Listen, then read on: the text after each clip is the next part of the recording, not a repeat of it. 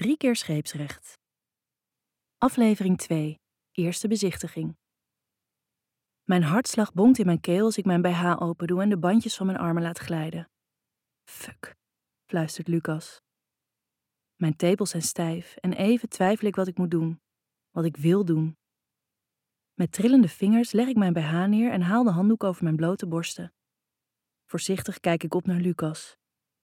Mijn adem stokt in mijn keel als zijn hand naar zijn broek zakt, tegen zijn gulp, de omtrek van zijn erectie duidelijk zichtbaar in zijn broek. Wat wil ik? Kom op, Mila. Wat wil je? Maar er komt geen antwoord. Terwijl ik kijk hoe Lucas met zijn vingers zijn stijve penis streelt, doe ik mijn armen door de mouwen van zijn shirt over mijn hoofd en trek het langzaam omlaag. Het is alsof de knetterende spanning die in de lucht hangt breekt. Kan het zo? Vraag ik Lucas met een verlegen glimlach op mijn gezicht. Mijn harde tepels duwen tegen het zachte katoen. Hij haalt diep adem. Het kan prima zo, zegt hij lachend. Jij hebt de teasen niet verleerd de afgelopen jaren. Ik lach en voel mijn schouders ontspannen. Jij kon er ook wat van als ik me dat goed herinner, met je trucjes op de sportschool.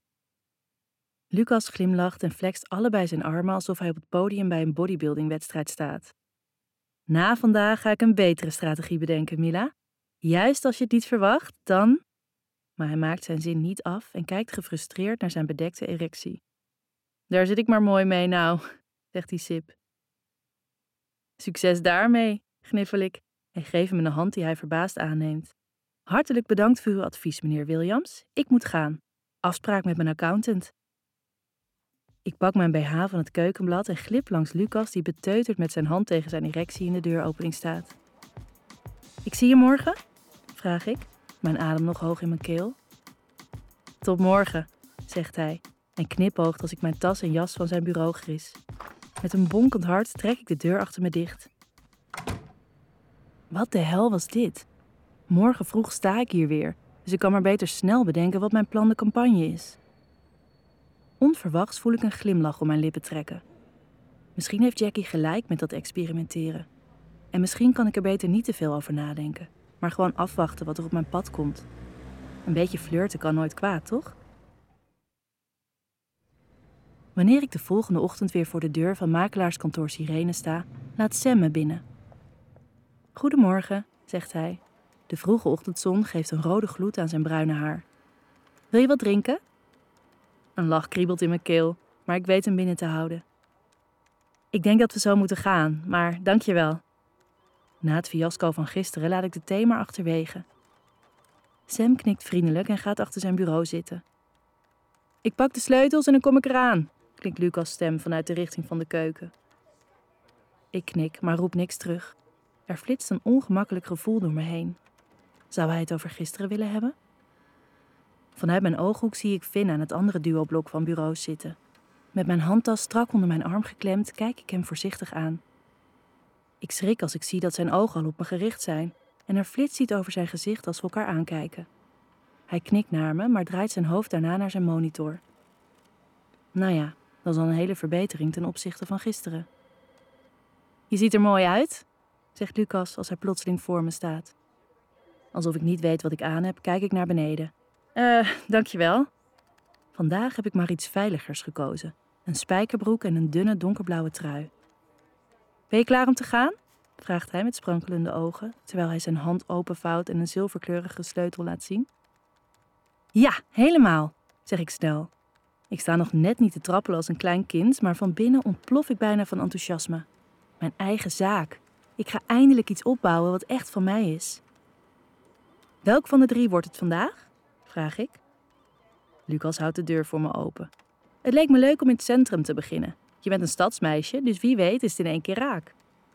Hij draait zich om en houdt zijn hand op naar zijn vrienden. Later, mannen, zegt hij. Als ik achterom kijk door de winkelruit, staren Sam en Finn ons na. Ik snap niet helemaal waarom.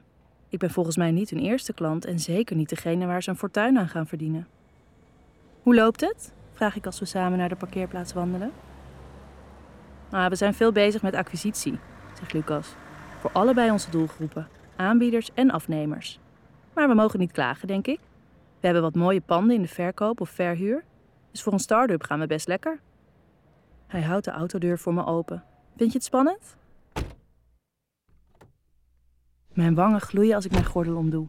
En niet eens omdat ik zijn opmerking dubbelzinnig kan opvatten. Best wel.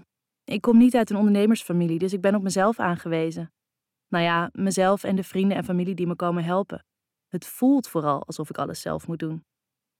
Lucas krult zijn lange, slanke vingers over de pook en start de motor. Ik begrijp wel wat je bedoelt. De belangrijke beslissingen moet je zelf maken. Iedereen kan je advies geven, maar uiteindelijk ben jij zelf verantwoordelijk voor de kansen die je neemt en de risico's die je liever wil vermijden. Het klinkt cliché, maar hij heeft gelijk. Tot nu toe heb ik altijd gekozen voor de makkelijke weg. Zo risicovrij mogelijk, lekker normaal doen. Maar werd ik daar gelukkig van? Nee. Ik was misschien tevreden, maar meer dan dat is er nooit geweest, denk ik met een knoop in mijn maag. Maar nu gaat dat veranderen. We rijden over smalle, kronkelende straatjes richting de rand van het centrum. Hoe was het bij je accountant gisteren? vraagt Lucas. Ik haal mijn schouders op. Is het gek als ik interessant, belangrijk, maar tegelijkertijd ook saai zeg? Lachend schudt Lucas zijn hoofd. Cijfers zijn ook niet mijn ding. Daarom ben ik extra blij dat ik twee partners heb. Snap ik, zeg ik. Ik ben ook jaloers op je en lichtelijk gestrest dat ik dit avontuur solo aanga. Sorry, zo bedoelde ik het niet, lacht Lucas. Maar ik maak me helemaal niet druk over jou. Jij bent een vrouw met vele talenten. Hij kijkt me lachend aan. Ik rol met mijn ogen, maar ondanks dat hij het er dik op legt, geniet ik toch van het compliment. Plotseling gaat hij op de rem. Oh, we zijn er al! Hij legt een arm achter mijn hoofdsteun en parkeert zijn auto met finesse tussen een gele eend, waarvan het volledige dak met gekleurde plastic bloemen is versierd, en een smart car met een cartoon bodybuilder op de deur getekend. Mademoiselle, zegt Lucas als hij de deur voor me openhoudt. We staan in een gezellig straatje dat aan de gracht ligt, met prachtige iepen die over de rand van de kade naar het water buigen. Je buren zitten hier al een tijdje, zegt Lucas als hij naar de kleine bloemenwinkel knikt. Ah, dat verklaart het kleurrijke autootje. De Power Fitness is net gestart, een maand of drie geleden, geloof ik. Zodra Lucas de deur open doet, komt de verse verflucht ons tegemoet. Vanaf de wanden blaast een airconditioner koude lucht de ruimte in en ik trek mijn mouwen over mijn handen. Het is groot. Misschien zo'n 25 vierkante meter die ik beneden kan vullen met tafels. Mijn hakken klinken op de kale betonnen vloer. De keuken is boven, zegt Lucas. Daar is ook ruimte voor de netwerkavonden waar je het over had. Zullen we even kijken? Ik knik en volg hem de trap op. Wat is je eerste indruk? Ehm, begin ik. De locatie is fantastisch, de buurt gezellig en goed te doen op de fiets. Maar het is groot. Het voelt overweldigend.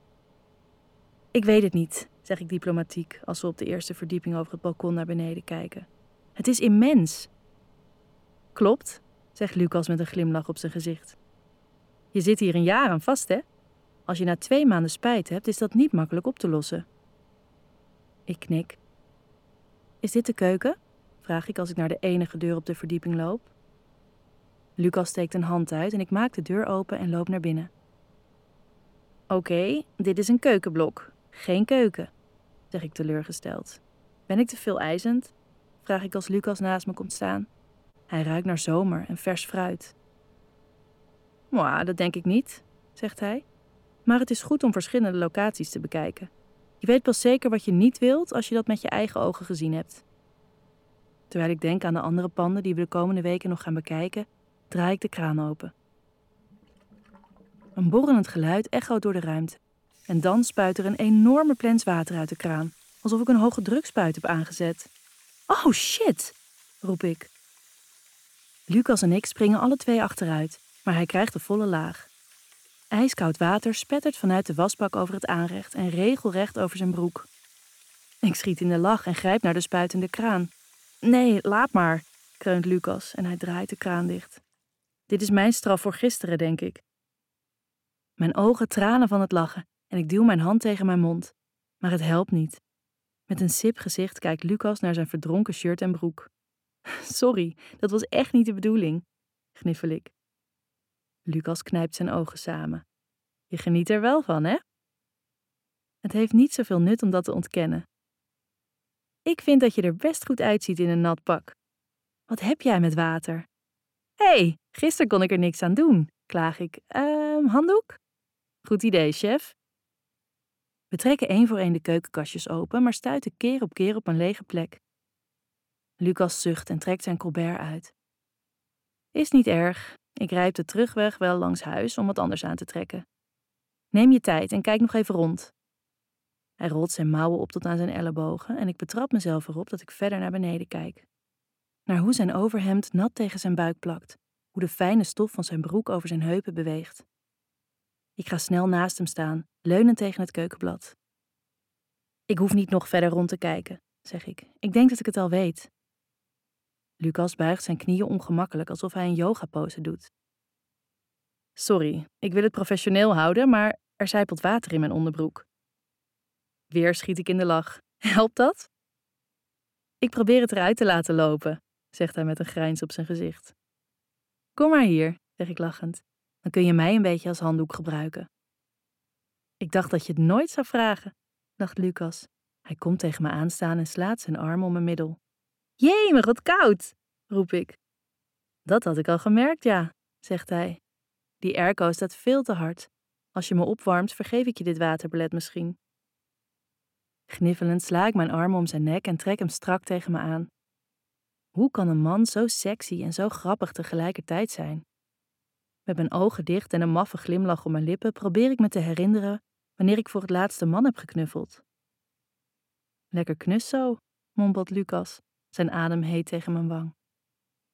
Een warm gevoel trekt naar mijn onderbuik. Het is alsof die spanning van gisteren opeens weer ontwaakt. Maar in plaats van dat ik er ongemakkelijk van word, maakt het me nieuwsgierig. Mijn arm zakt van Lucas' nek over zijn brede schouder naar zijn bovenarm.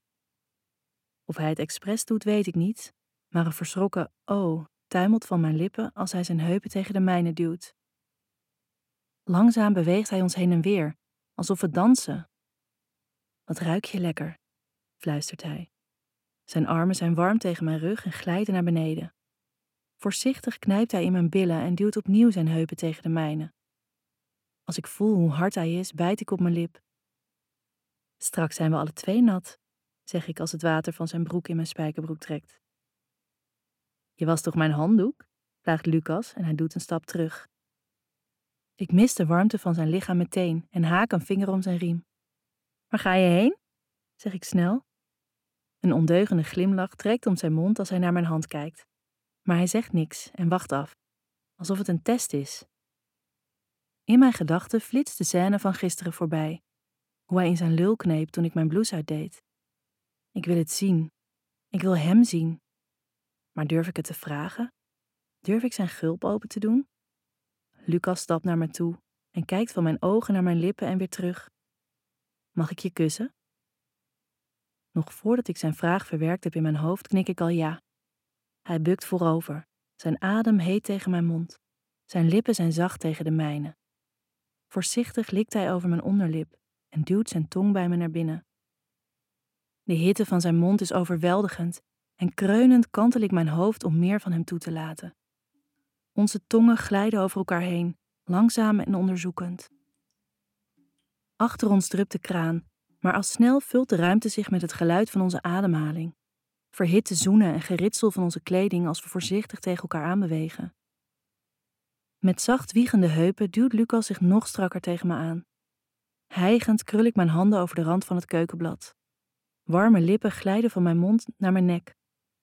Ik kreun als Lucas zacht zijn tanden in mijn hals zet en daarna sussend likt over de plek waar hij me beet. De warme gloed in mijn buik daalt, lager en lager, daar waar zijn erectie tegen mijn dij duwt. Als in een reflex wil ik mijn benen spreiden en een golf van geile schaamte valt over me heen. Dit is niet waarvoor ik hier ben, maar het is te lekker om te stoppen. Plotseling kucht er iemand. Verschrikt open ik mijn ogen en kijk recht in het gezicht van Sam.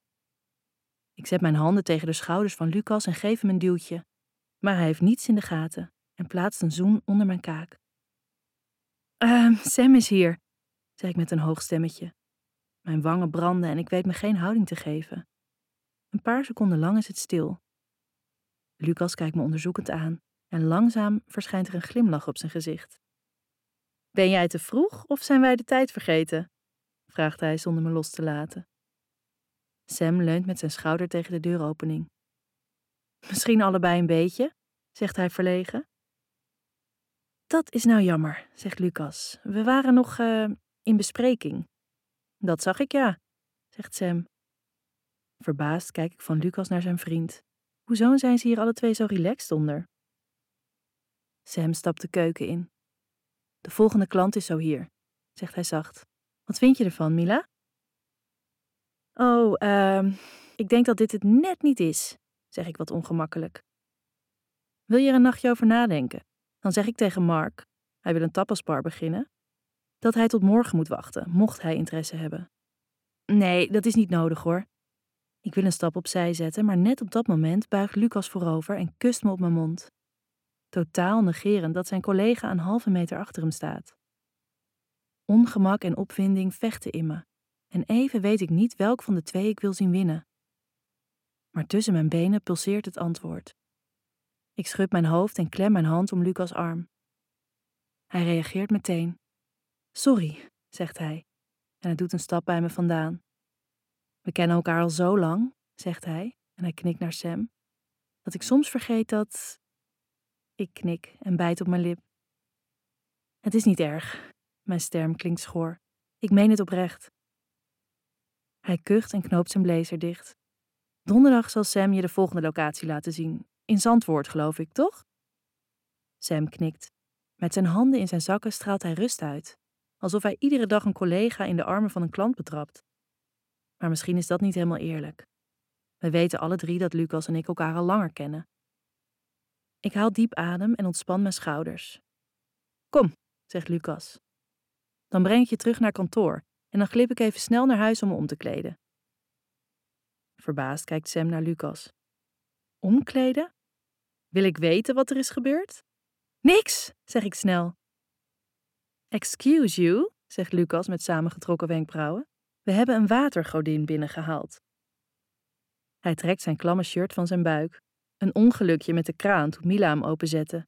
Blijkbaar zat er een luchtbel in de leiding en ik heb het water op mogen vangen. Foutje, zeg ik en ik grijns naar Sam. Ik beloof je dat ik nergens meer aan zal komen de volgende keer. De mannen kijken elkaar aan en lijken een ondeugende gedachte te delen. Maar misschien gebeurt dat alleen in mijn hoofd. Sam zal goed voor je zorgen. Net zo goed als jij, flap ik eruit en ik pak mijn tas van de grond. Sam heeft talenten waar de gemiddelde man een puntje aan kan zuigen, zegt Lucas. Hè? Is dit weer zo'n Lucas tease? En hoe weet jij dat? vraag ik. Nou, wij vertellen elkaar wel eens wat. En we zijn niet te beroerd om de ander tips te geven, mocht dat nodig zijn. Lucas kijkt me doordringend aan. Heb je tips, Sam? Daar heb ik niet genoeg voor gezien, ben ik bang, zegt Sam. Een roze blos vormt hoog op zijn wangen. Maar Mark is er nog niet, dus. Dit is absoluut een grap van Lucas, toch? Dat kan niet anders. Maar alles in me zegt dat ik deze bluff met beide handen aan moet grijpen. Mag ik? vraagt Lucas. De stoute glimlach op zijn gezicht verbergt niet dat hij verwacht dat ik nee zeg. Dus ik zet mijn tas op het aanrecht en trek mijn wenkbrauwen op. Waarom niet? zeg ik zo nonchalant mogelijk, mijn hart gaat als een wilde tekeer. Niet omdat ik bang ben, maar omdat ik bang ben omdat ik er opgewonden van raak. Met een arm om mijn middel trekt Lucas me tegen zich aan. Even denk ik dat ik in de lach schiet, gewoon van de zenuwen. Maar zijn natte lippen tegen de mijne verstommen alle rationele gedachten. Schaamteloos open ik mijn mond om zijn tong binnen te laten. Alsof we nog steeds alleen staan, zoenen we verder. Lippen glijdend over elkaar, zijn tong heet tegen de mijne. Een warme hand streelt mijn rug. Kreunend wieg ik mijn heupen tegen die van Lucas aan. Hij is nog steeds hard. Hallo? klinkt het plots van beneden.